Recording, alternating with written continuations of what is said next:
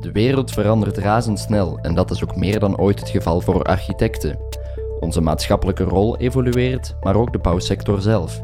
Innovatieve bouwsystemen, veranderende verhoudingen met aannemers, overheden, financiers en adviseurs. Ze schudden ons ecosysteem door elkaar en dwingen ons zo na te denken over de toekomstvisie van ons beroep. Het architectencongres van NAV zal dit jaar doorgaan op 8 juni in het Congres- en Erfgoedcentrum Lamotte in Mechelen. Het congres staat volledig in het teken van jouw toekomst als architect onder het motto aan de slag in 2050. Als prelude nodigen we drie gasten uit in de podcast Het Architectenberoep in 2050. Allereerst NAV-voorzitter Dirk Matthews. Hij is ook bestuurder van de Verzoeningscommissie Bouw en zetelt voor NAV in de Hoge Raad voor KMO en Zelfstandigen. En hij is natuurlijk ook nog steeds architect bij zijn bureau ARW Architecten. Ik denk een belangrijke uitdaging als het gaat over het juridische, uh, die er zeker aankomt, is het, het juridische rond het vergunningsverhaal. Als we de bouwshift effectief willen realiseren en we gaan naar uh, kernversterking en verdichting in de kernen, dan zal proces van de vergunning zal nog complexer en nog ingewikkelder worden. En daar gaan we, wat mij betreft, inderdaad nog meer juridische adviezen moeten hebben, derden die ons daarin adviseren. Um, en ik denk dat de, dat de architect daar nog meer aandacht moet voor hebben. De tweede gast is ook een architect en bestuurder, maar dan bij Blanco Architecten, Vincent van den Broeke. Met betrekking tot het thema van deze podcast zetelde Vincent de laatste jaren in de werkgroep van de ACE, de Architects Council of Europe. Zij zijn specifiek bezig met de internationalisering van het beroep en nieuwe businessmodellen. Onze core is hetzelfde gebleven, maar wat we moeten doen ondertussen om zowel naar een overheid als naar een uitvoerende partij, als naar onze eigen klant, om iedereen tevreden te houden, om iedereen op de hoogte te houden. Alleen de soft skills zijn zo belangrijk geworden op communicatief vlak. Ik merk dat in onze eigen praktijk. Communicatie is, is de grootste horde om te nemen. Hè. Ten derde sluit iemand aan die vanuit zijn positie een ruime kijk heeft op het architectenberoep. Christophe de Roek van All Colors of Communication. Zijn communicatiebureau is gespecialiseerd in de bouwsector, dus hij weet perfect hoe een architect zich moet positioneren in de markt. Vraag aan, aan 100 mensen, wat doet een architect? Dan gaan die zeggen van tekeningsgemaak van dat huis. Wat dat, wat dat in, in C eigenlijk een zware onderwaardering is voor wat dat er vandaag allemaal al bij komt kijken, of de verwachting die mensen dan uiteindelijk hebben. En waar dat eerlijk, ik denk dat architect in zijn geheel, of, of, of alle architecten samen, mede de oorzaak van zijn. Deze podcast kwam tot stand in samenwerking met Palindroom, contentbureau voor de bouw- en architecturensector, Architectura en NAV. De host van deze aflevering is Lisbeth Verhulst en mijn naam is Stef Pennemans. Ik stond in voor de productie en voice-over.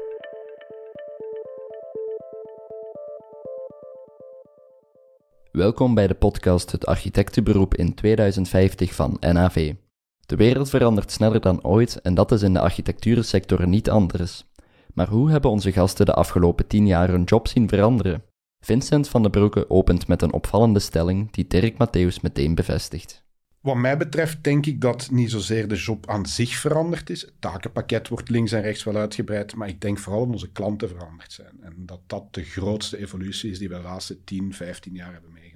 In welke zin dan? Maar ik denk dat, zoals met veel beroepen en veel sectoren, dat wij meemaken of ervaren dat de klant veel mondiger geworden is, veel beter geïnformeerd, de lat ook veel hoger legt. Ik denk als wij als architect nog in een B2C-relatie mogen werken voor een klant, dat dat meestal hoogopgeleide tweeverdieners zijn, die wel wat gewoon zijn vanuit hun eigen werkomgeving, en dus die lat de facto hoger leggen, beter geïnformeerd zijn en des meer.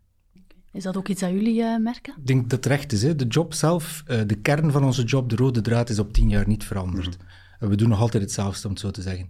Uh, wat er vooral veranderd is, uiteraard de klanten, ja, laat dat duidelijk zijn, maar vooral eigenlijk ook de, het kader.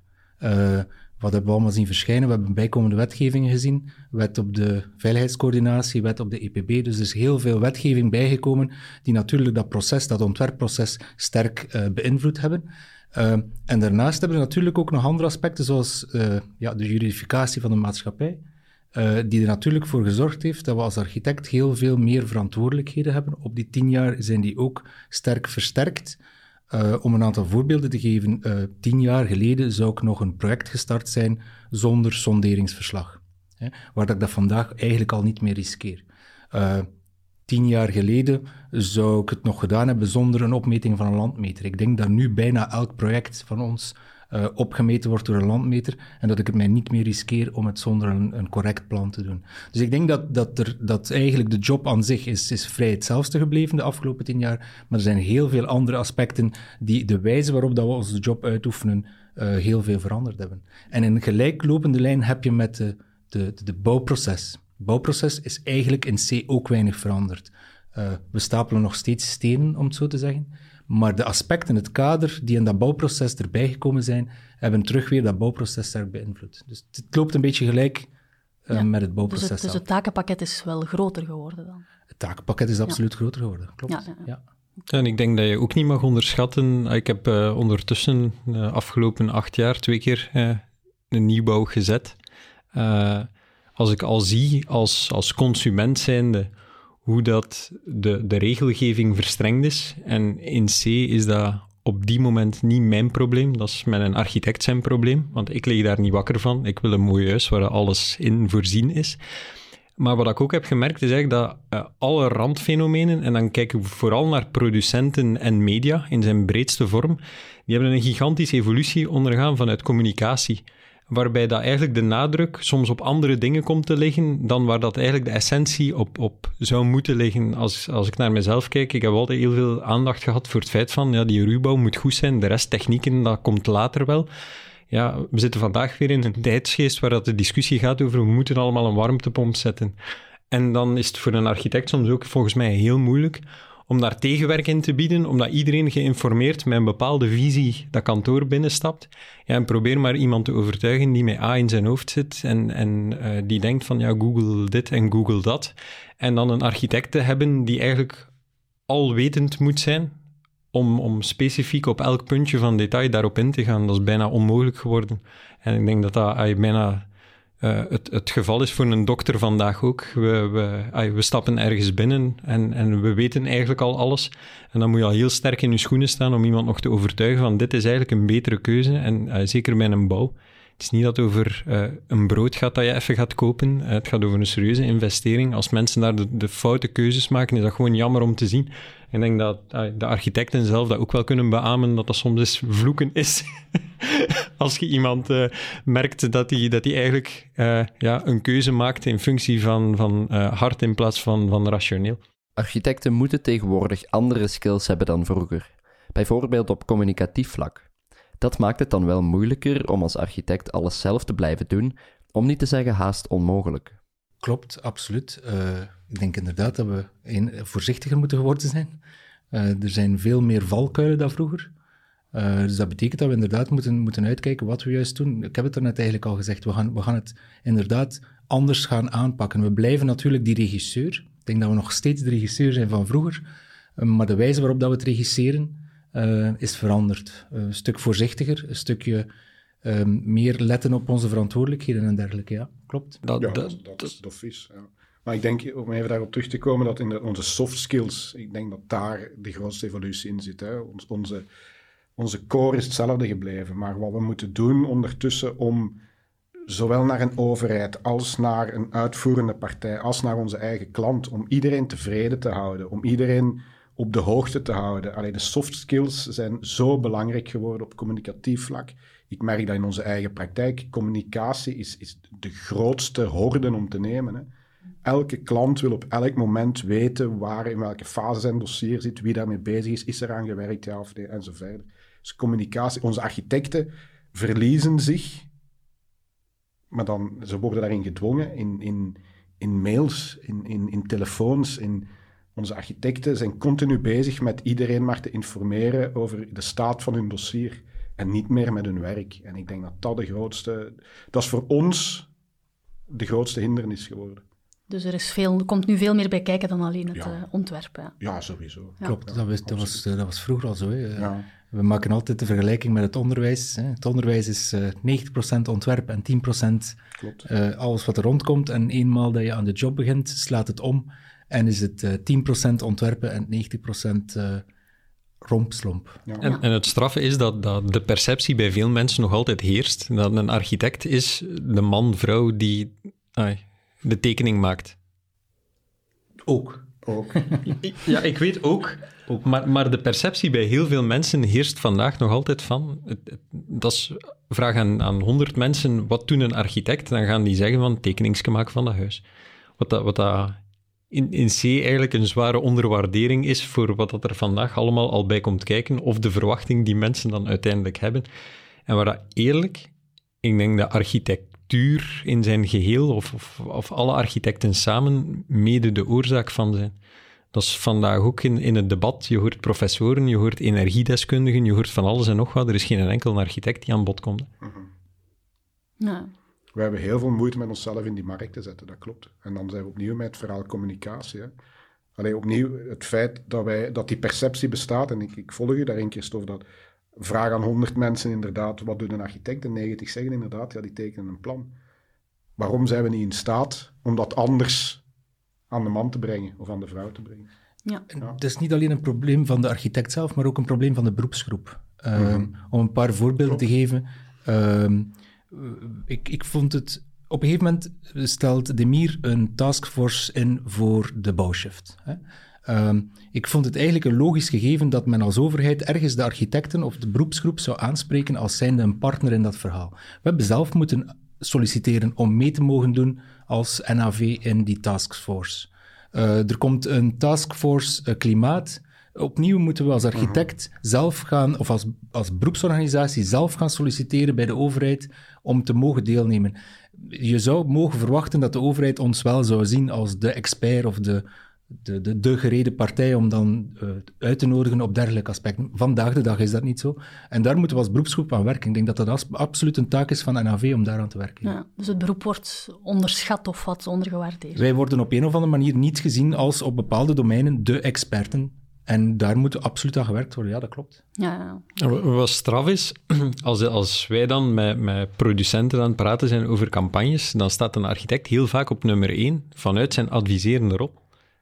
Dus de, de- er ligt ergens een, een, een discrepantie tussen wat dat de, de mens aan de ene kant toch als consument ziet en wat dat eigenlijk de sector als, als ah, de bouwsector in zijn geheel ziet. En die een architect die palavert daar ergens tussen. En, en ik denk dat eh, ook aan architecten is, die, willen, eh, die zijn niet altijd hypercommercieel ingesteld, dus die gaan zich niet snel ai, toelaten tot een commercieel netwerk met een producent, noem het maar op.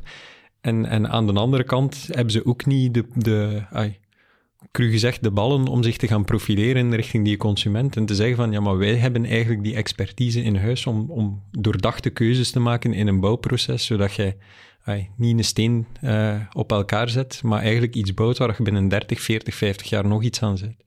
Er heerst dus vaak nog een gebrek aan communicatievaardigheden en management skills bij architecten. Volgens onze gasten worden architecten daarop ook te weinig voorbereid in het onderwijs. Daar ligt de focus nog te fel op creatieve ontwerpers. Anderzijds is het haast onmogelijk om alle facetten van het beroep architect onder de knie te hebben. Wilt dat dan zeggen dat architecten zich meer moeten specialiseren in verschillende domeinen? Ja, ik denk dat niet de architect als dusdanig een specialist moet zijn, maar dat een architectenbureau wel een verzameling van specialismes zal moeten worden. Dat is, dat is Ja. onvermijdelijk. Ehm, waar wij tot op heden nog altijd als die uomo universale worden beschouwd, denk ik dat we naar een soort ufficio universale moeten gaan. Hè. Bij ons stappen ze binnen als ze aan bouwen denken. En dan zullen wij als architect of architectenbureau wel zorgen dat daar een landmeter aan te pas komt. Dat daar een ontwerp aan te pas komt. Dat daar de ingenieurstabiliteit... Ik denk dat wij een soort, ja, all-in service, dat we daarnaar moeten, daarnaar moeten evolueren. Ja. En is dat al voldoende het geval vandaag bij de architectenbureaus? Eh, nee, ik denk dat niet. Eh, ik moet eerlijk zijn, op dat vlak heb ik een, eh, een goede driedeling gehoord van de directeur, Fred Schorl, van de BNA, de Nederlandse beroepsvereniging. Die maakt een onderscheid tussen drie specialisaties, als ik het zo mag zeggen. Die zei van, er is enerzijds de, de vakman, anderzijds heb je de, de inspirator en anderzijds heb je de navigator. Ik denk dat elk kantoor die drie aspecten in zijn kantoor moet hebben. Ik vond het een zeer goede eh, opdeling. Ehm, en ja, ergens zal dus inderdaad iemand in het bureau de specialisatie hebben van het technische, kunnen omgaan met de werf, werfbezoeken doen, voldoende over die techniciteit beschikken. En dan inderdaad anderzijds de, de inspirator, de ontwerper, het conceptman En dan een navigator is de regisseur, degene die inderdaad het hele proces uh, gaat gaan begeleiden. Ik vond het een zeer goede opdeling en ik denk dat we daar naar specialisaties moeten in die drie aspecten. Het is net gezegd geweest, de eenmanszaak, uh, ja, hoe, dat die het nog gaat combineren, het wordt potentieel nog moeilijker. Um, want ik denk dat je moet kunnen ergens de verschillende uh, specialisaties bij elkaar brengen en de kennis bij elkaar brengen. En ik denk dat het op dat vlak inderdaad voor die eenmanszaak alsmaar moeilijker wordt.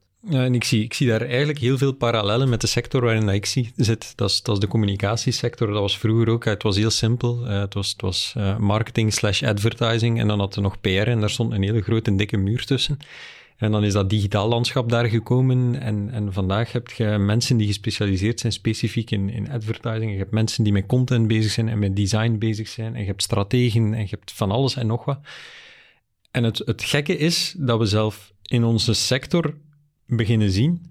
Ja, maar het hoeven zelf geen communicatiemensen meer te zijn. We hebben vandaag ook al nood aan data-analysten die eigenlijk niks kennen van communicatie, maar daar wel mee bezig zijn. En, en wat dat ik merk in gans het, het architectenberoep is eigenlijk, er heel weinig ondernemers in. Die durven afstappen van, ja, maar heb ik wel een architect nodig? Misschien ook gewoon een kritische geest nodig die die werfopvolging kan doen. Moet die daarom eigenlijk iets kennen van architectuur, los van het wettelijk kader, want daar ken ik dan te weinig van, dat is in alle openheid. Maar ik denk dan van, ja, als, als dat iemand is die, die al 20, 30 jaar op een werf heeft gestaan en weet hoe dat een bouwproces is, die gaat er de fouten ook uithalen. Mijn vader heeft uh, altijd in de, de keukens gewerkt ja, die, die kan bij wijze van spreken, die stapt een ruimte binnen en dan zegt hij opeens, ja, een raam of een deur staat scheef. En ik moet dat letterlijk gaan opmeten en kom er tot de conclusie onder en boven scheelt 5 mm. Ja, maar die heeft er 40 jaar in gezeten. Die ziet het wel. En dat is iets waar, waar ik van merk van, dat is een evolutie die de, de architect en het architectenbureau nog moeten doorstaan. Dat is van, het hoeven geen tien architecten te zijn. Er moeten tien mensen zijn die gepassioneerd zijn door een bouw en door een bouwproces maar daarom moeten het niet allemaal mensen zijn die creatief en of tekenaars en of iets anders zijn. Alleen denk ik dat daar nog een serieuze stap te winnen valt. Maar aan het uh, geknik of geschut te zien, denk ik dat daar nog een wettelijk kader rondhangt waar, dat ik, uh, waar, dat ik, waar dat ik me niet van bewust ja. ben. Ja, hoe zien jullie dat inderdaad als uh, architect Nee, maar ik, ik, ik, volg dat helemaal. Ik denk dat we moeten gaan specialiseren. En specialiseren betekent ook zij-instroom toelaten van, van andere specialismes. Hè. Ik denk dat als het nu gaat, mensen met een kantoor, allee, we zijn nu eerder een half groot kantoor, maar als we spreken kantoren met, met 20, 30, 50 mensen, ik kan me perfect voorstellen, daar zit iemand op HR, daar zit iemand op communicatie en marketing. Dus al die andere sectoren, al die andere specialisaties, dat kan niet meer op, op diezelfde lijst geschoeid zijn als die, kantoor van één.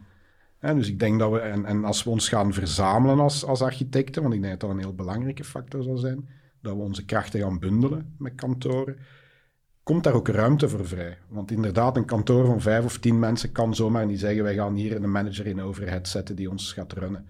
Maar als je zegt met een aantal kantoren samen, je kunt die kost delen, je kunt die, die know-how delen, dan wordt dat wel heel interessant. Ja, dus schaalvergroting is uh, de weg vooruit. Ja, en dan hebben we ook als voorbeeld, voordeel dat de architecten die daar zullen werken, dat die ook effectief met de core business zullen bezig ja, zijn. Absoluut. Uh, die zullen dan inderdaad aan het ontwerpen zijn. Of, of met de core business waarin dat zij geïnteresseerd zijn. Want ik ben er ook niet van overtuigd dat elke architect zegt van ja, maar ik wil per se een, een, een, een goede designer zijn.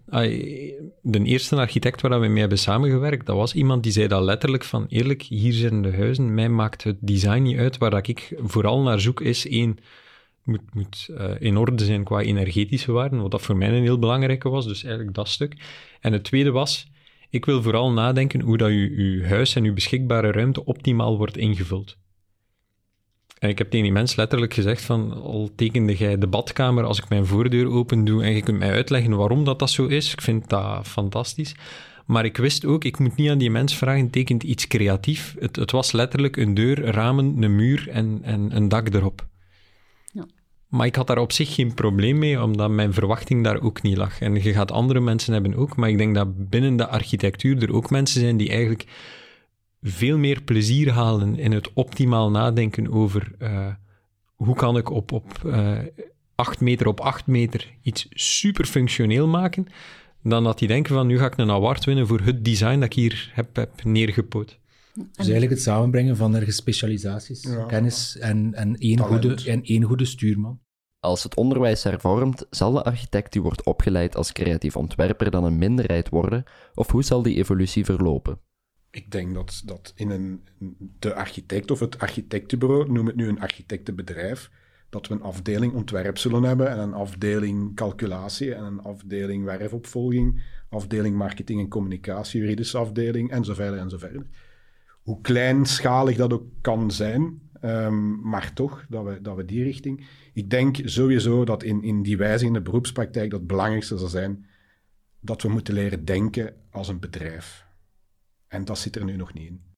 Nee, dat is inderdaad iets wat veel architecten niet graag in de mond nemen. En, en, wat hoort er natuurlijk ook bij, dat is de in-house vorming. Ik denk dat we sowieso er moeten van uitgaan dat we nog meer in-house effectief alle medewerkers gaan opleiden. Um, er is natuurlijk een probleem in de sector van het verloop. Um, het verloop is nog altijd zeer groot. Dat betekent dat natuurlijk de investeringen die je doet in het opleiden van iemand, ja, dat je daar niet noodzakelijk de return van ziet.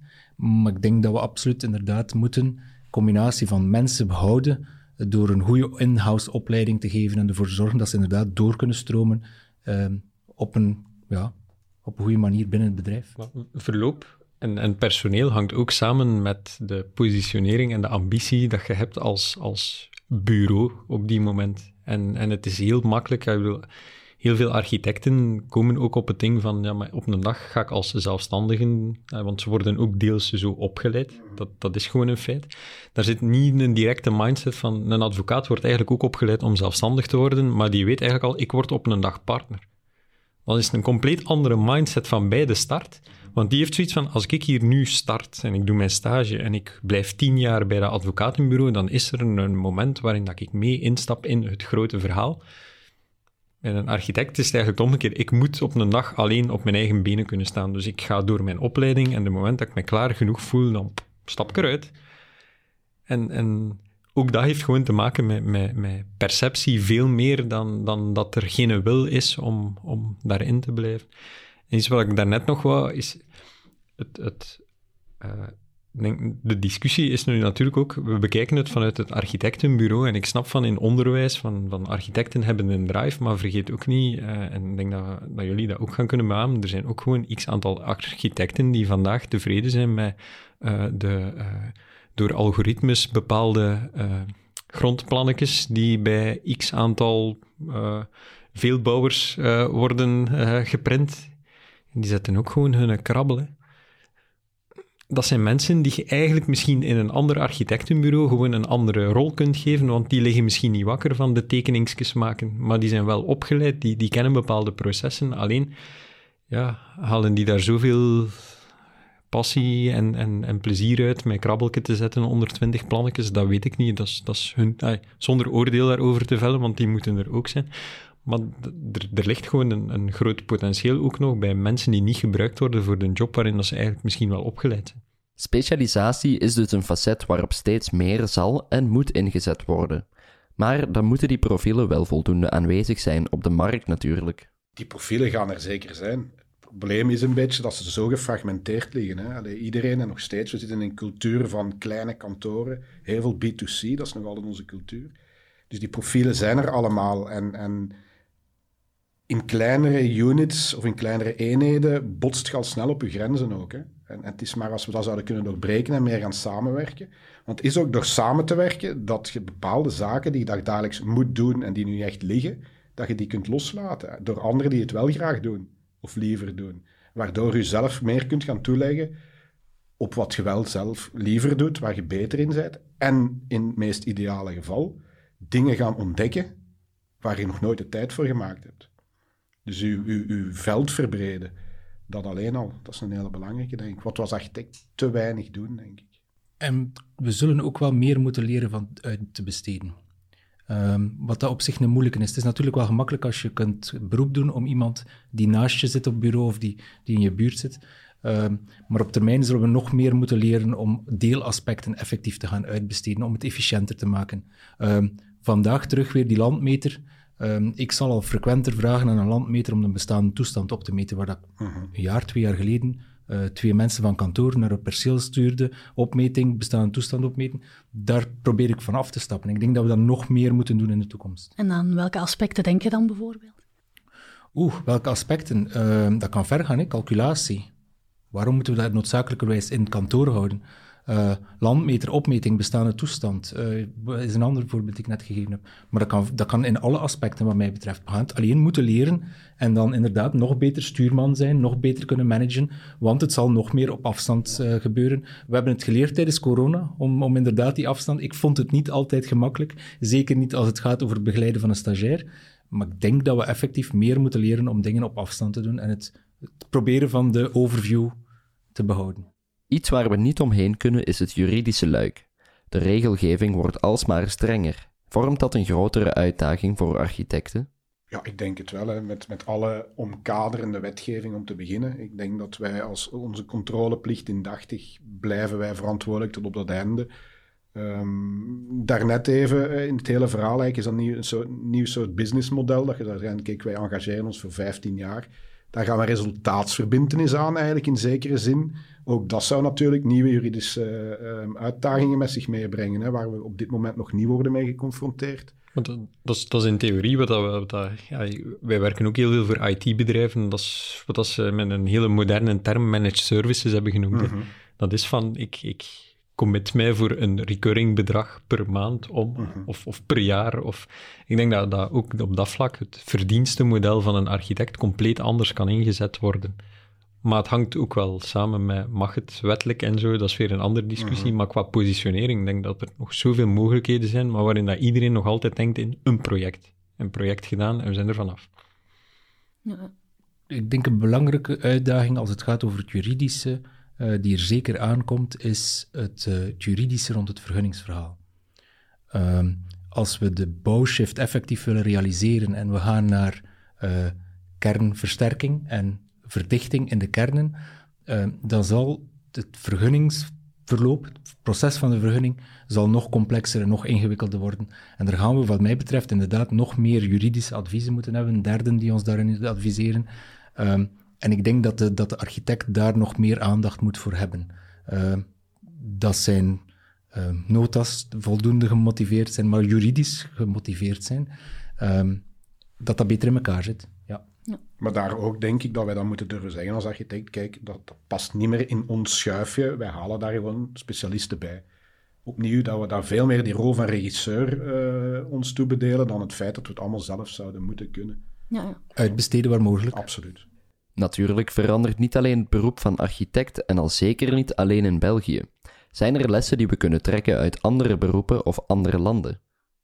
Voor de job, als, als je kijkt naar Nederland, af en toe kijk ik toch wel eens naar Nederland als voorbeeldland. Um, ik vind bijvoorbeeld dat het bouwbesluit op dat vlak het architecten gemakkelijker maakt om een job te doen. Het bouwbesluit in Nederland is, is concreter. Daar uh, simpel voorbeeld, afmeting van een wc staan gewoon in het bouwbesluit. Hè. Uh, in Vlaanderen heb je per gemeente uh, bouwvoorschriften en daar is de minimale uh, hoogte van een verdieping in Gent is 2,50 meter.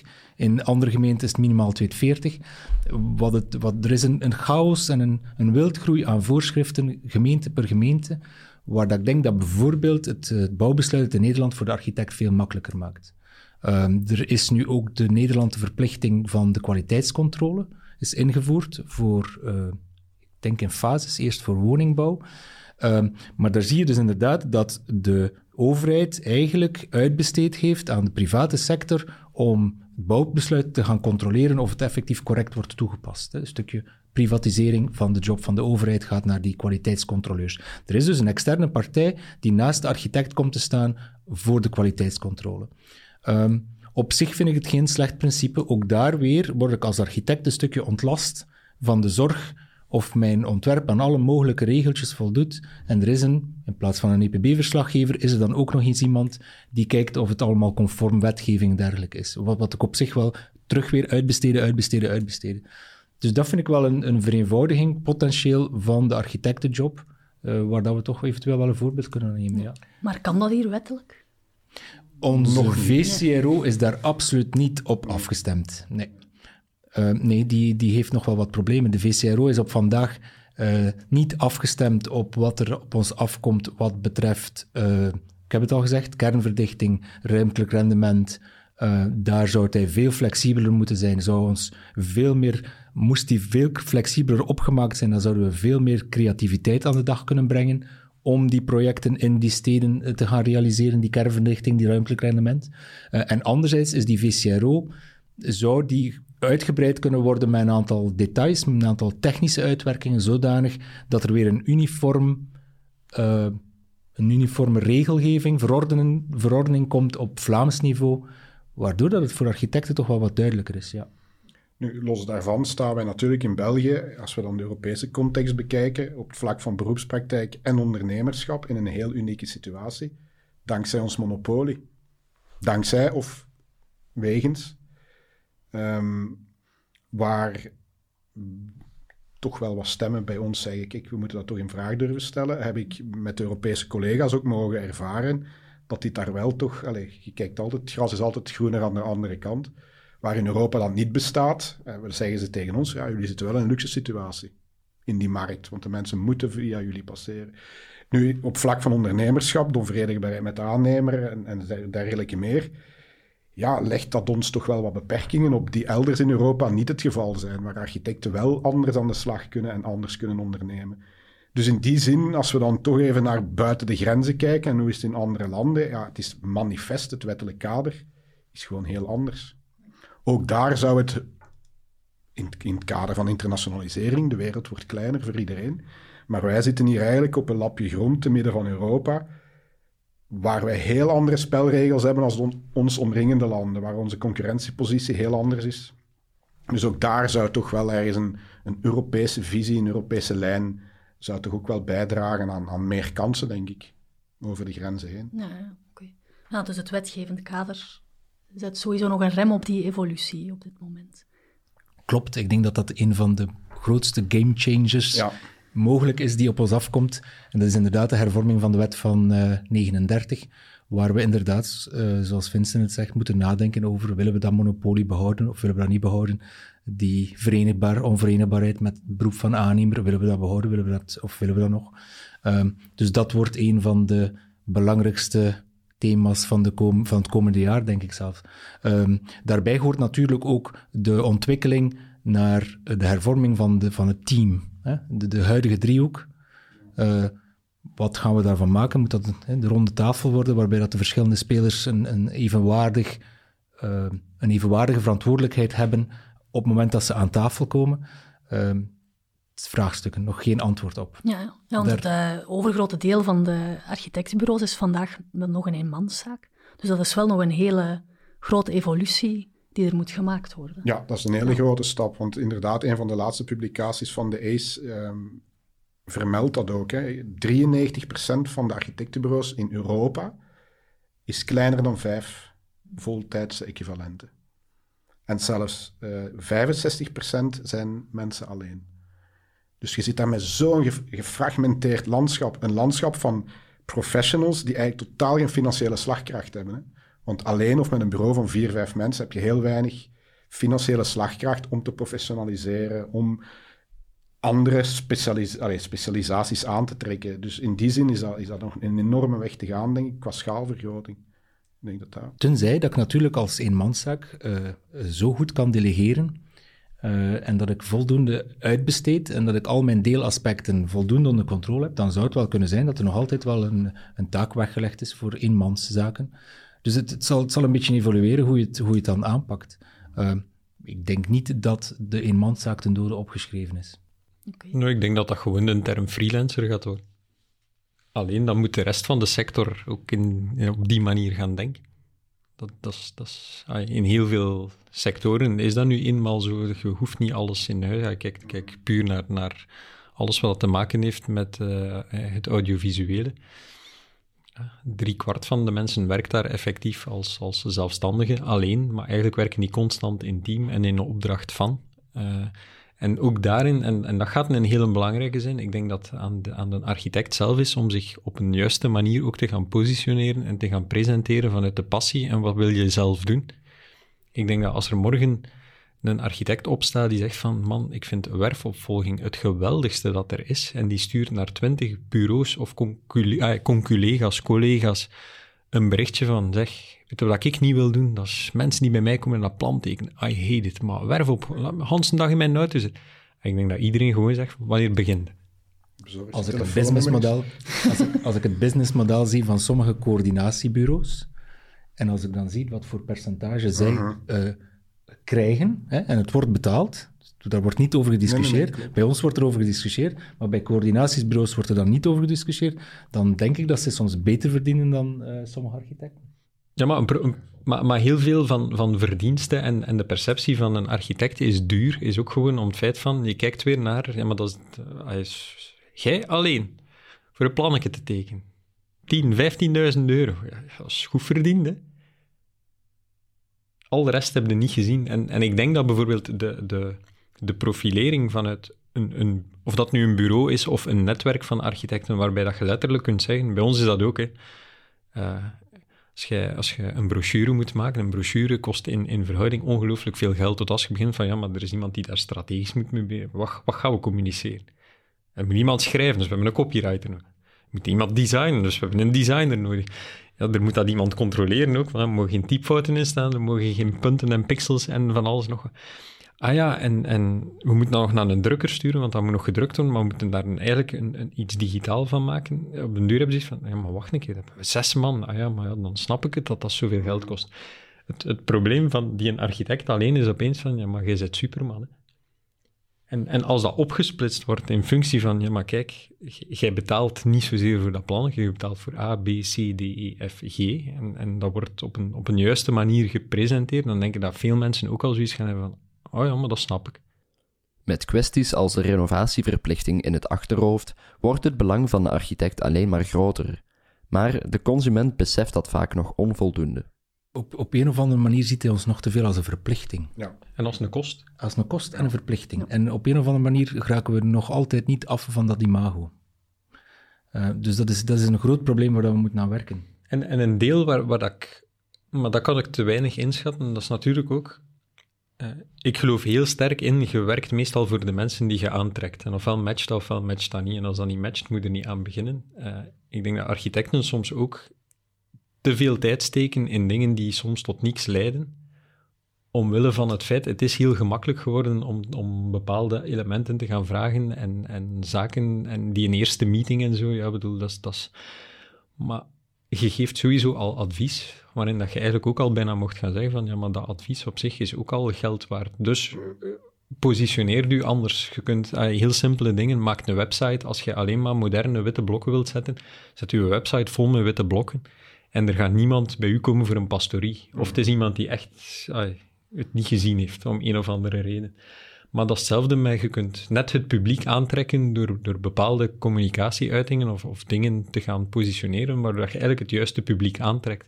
Als jij openlijk zegt, ik, bij mij moet het niet zijn voor een, voor een woning te bouwen from scratch, maar waar ben ik goed in? Dat is implanting in een stad en of een, een grondige renovatie ja, dan, dan heb je al je expertise en dan gaan die mensen daar ook voor tot bij u komen.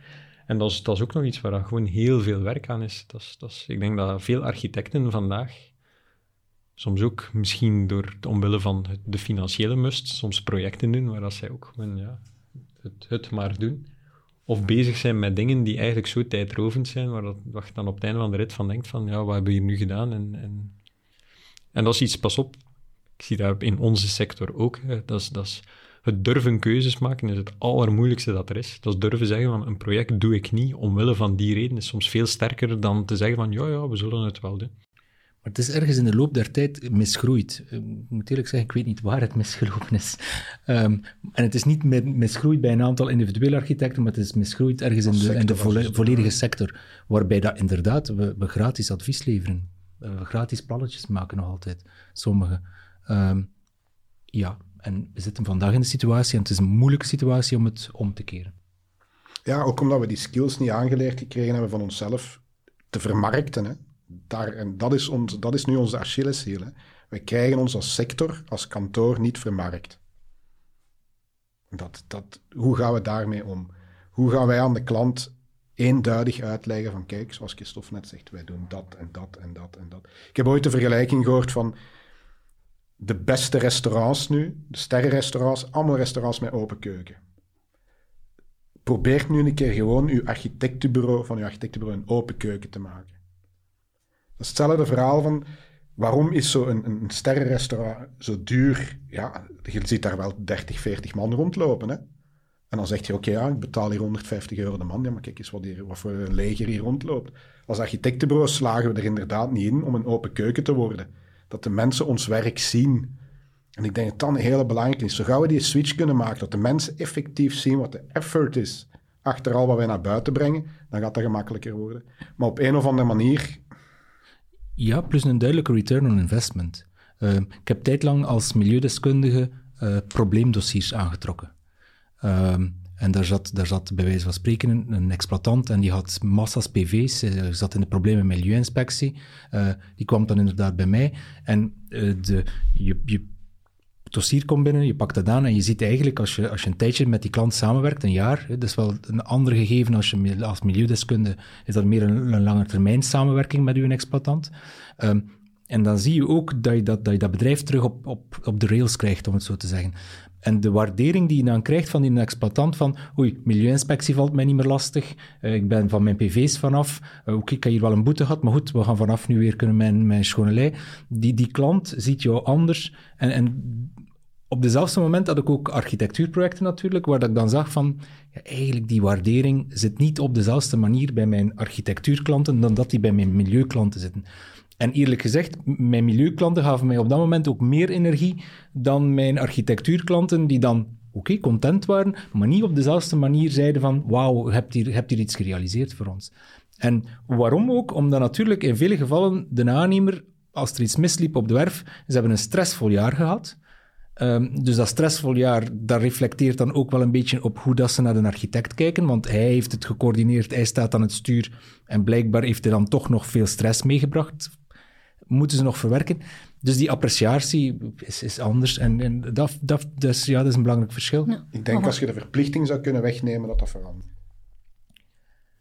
Voor ja, een stuk, initieel ja, zeker. Ja, of als, als, je, als, als, als de architect zelf de, de uh, bijvoorbeeld de, de, het wettelijk kader van de tien jaar verantwoordelijkheid neemt als een opportuniteit en niet ziet als, als iets van het is, er, maar het is er ook weer bijgelapt. In die zin van, je weet dat iemand x betaalt. Je kunt ook gewoon zeggen, van eigenlijk betalen we dat voor tien jaar. Weten we dat we gaan doen een drie jaar? Zitten we nog eens samen en wandelen we door je huis. Er is geen enkel architect die dat doet. Hè.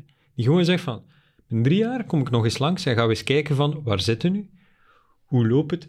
Dat zit in die prijs, maar de moment dat je daar zit, heb je twee mogelijkheden of die, die klant is super content. En je hebt uw kop gezien, je hebt uw plicht gedaan. Oké, je bent een, een, een, uur van uw tijd kwijt geweest. Of tweede is, die me... Ga, weet je waarom dat spijtig is? Dat eigenlijk toch liever gehad dat er hier zo nog een klein hoekje aan was. Dat, dat toch... Ja, maar weet je waarom? voor, voor duizend euro extra gaan we dat, dat en dat en dat doen. En, en we beginnen daaraan. Wat is uw budget? Kopt hem binnen, hè. Maar niemand doet dat. Een architect die levert een huis af, die is tien jaar verantwoordelijk voor dat huis, maar die vergeet om daar ooit nog eens een voet binnen te zetten, gewoon om te vragen, en hoe is het? Is er nog iets wat dat... Dat snap ik niet. Die Alleen... businessplannen, heeft het gemiddelde architectenbureau dat vandaag? Maar dat, zijn er heel, dat, is, dat is heel laagdrempelig hoor. We, we, zijn er gewoon niet mee bezig. Maar ik denk inderdaad op een heel eenvoudige wijze, want dat, dat kost niet veel qua investering. We zijn er niet mee bezig, nee. Maar het zou zomaar gemakkelijk wel kunnen, denk ik. Maar het vergt een andere mindset. Het vergt ook wat tijd. Niet alleen om dat uurtje langs te gaan, maar om ermee bezig te zijn. En, en, iedereen heeft het toch oh zo druk. Allee, ik denk dat het speelt allemaal mee. Nu, dat geldt voor iedereen. Hè. Als architecten moeite hebben met die mindset te veranderen, kunnen architectuurorganisaties als NAV daar dan misschien bij helpen. Ik vrees dat die in hetzelfde bedje ziek zijn. Ja. Misschien nog erger. Nee, ik denk inderdaad... Nee, ik denk dat een, dat een beroepsorganisatie mee kan werken aan de sensibilisering, aan het onder de aandacht brengen, uh, eventueel. Ik heb nu net mogen deelnemen aan, aan ook een opleidingenreeks branding en marketing. Zo'n zaken, dat is nuttig. En dat een beroepsorganisatie als katalysator werkt, gewoon voor de mensen die op zijn minst geïnteresseerd zijn, om dit mee te geven. Um, maar verder dan dat denk ik dat het ondernemerschap als dusdanig, dat dat kiezen. Maar opnieuw, allee, daarom is het verhelderend om, om Christophe uit een hele andere sector hier aan tafel te hebben. Die benadert dat totaal anders en wij zijn er gewoon niet mee bezig. Wij zijn bezig met die, met die plannen en die werf en, en in het beste geval nog die medewerkers allemaal tevreden te houden. En, en, en daar stopt het verhaal. Ik denk inderdaad dat we, dat we NAV ook inzetten op die opleidingen. Zorgen dat de opleiding op verschillende niveaus, voor, voor grote bureaus, kleine bureaus, uh, maar evengoed voor de individuele architect. En daar moet inderdaad een stuk opleiding uh, komen. Bewustwording. Ja, bewustwording. Daarmee. Aan de jonge architecten die de opleiding volgen kan er niet genoeg raad gegeven worden en daarom vragen we aan elk van onze gasten een gouden tip aan beginnende architecten. Vincent steekt van wal. Ik had daar straks even genoteerd, of vanmorgen, ik zeg, don't try this at home. En daarmee bedoel ik van, informeer u, uh, breid, alleen, maak een netwerk. Um, er zijn zoveel mensen met andere inzichten, met andere kennis, dus... dus probeer het niet zomaar op je eigen uh, vandaag de dag. Ik denk dat je moet verzamelen, dat je moet omringen met zelfs niet zozeer met gelijkdenken, maar met anders denken om nieuwe inzichten te krijgen. En ik denk dat dat een hele belangrijke tip is voor, voor starters die het echt zelf willen gaan maken. Er is zoveel kennis rondom u, maak daar gebruik van. En leergierigheid. Wees vooral zeer leergierig. Uh, ik denk dat je, dat je continu moet gaan inderdaad bijscholen, bijwerken, uh, inwerken. Uh, ja, denk dat dat een belangrijk aspect is. En, ik denk ook gewoon, maakt keuzes. Er, er is volgens mij in, in de ganse sector, ze mogen nog spreken van een bouwshift, er is werk genoeg. Dat, dat, dat gaat nooit het probleem zijn. Uh, maar ik denk dat, dat iemand die start moet durven keuzes maken in functie van, ja, maar wat wilt je doen?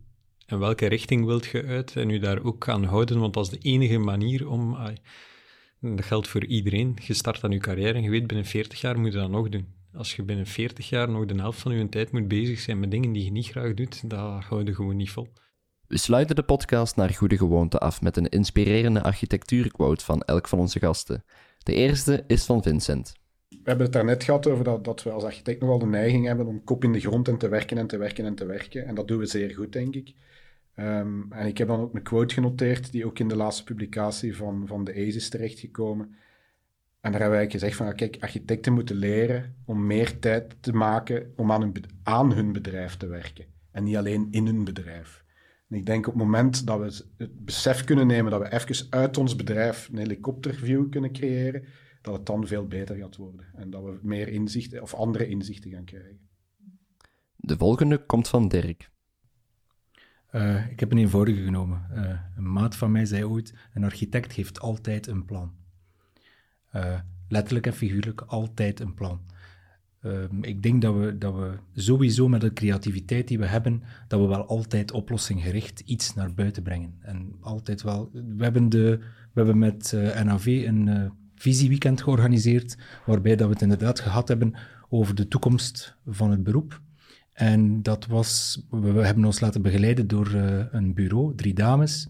En een van de dames zei dat ze, het op, dat ze had dat principe, dat concept al een aantal keer toegepast, zoals dat ze het aangepakt hadden.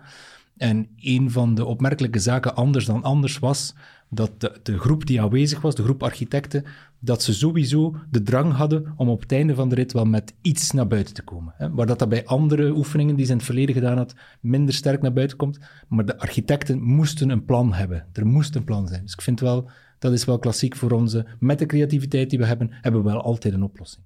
En we sluiten af met de quote van Christophe. Good buildings come from good people. And all problems are solved by good design. En ik denk eerlijk dat dat vandaag een ding is bij heel veel architecten. Dat is dat, dat het esthetische nog te veel primeert op alles wat daar rondhangt voor de consument.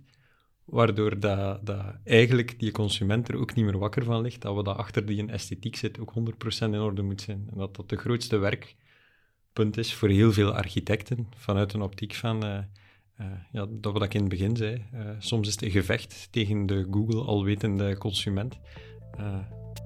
En begin er maar aan.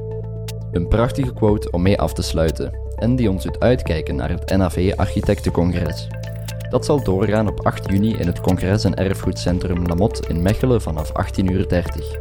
Deze avond is exclusief voor architecten, ingenieur-architecten, hun medewerkers en stakeholders uit de bouwsector. Je kan er genieten van een inspirerend congres, een congrespublicatie en een uitgebreide netwerkreceptie. Let wel op, want de plaatsen zijn beperkt. Aarzel dus niet om je in te schrijven via www.architectencongres.be. We sluiten af met een dankjewel aan onze gasten Dirk Matthews van ARW Architecten en NAV, Christophe de Roek van Alcalus of Communication en Vincent van den Broeke van Blanco Architecten. Dit was een podcast van Palindroom en Architectura in samenwerking met NAV en Alcalus of Communication.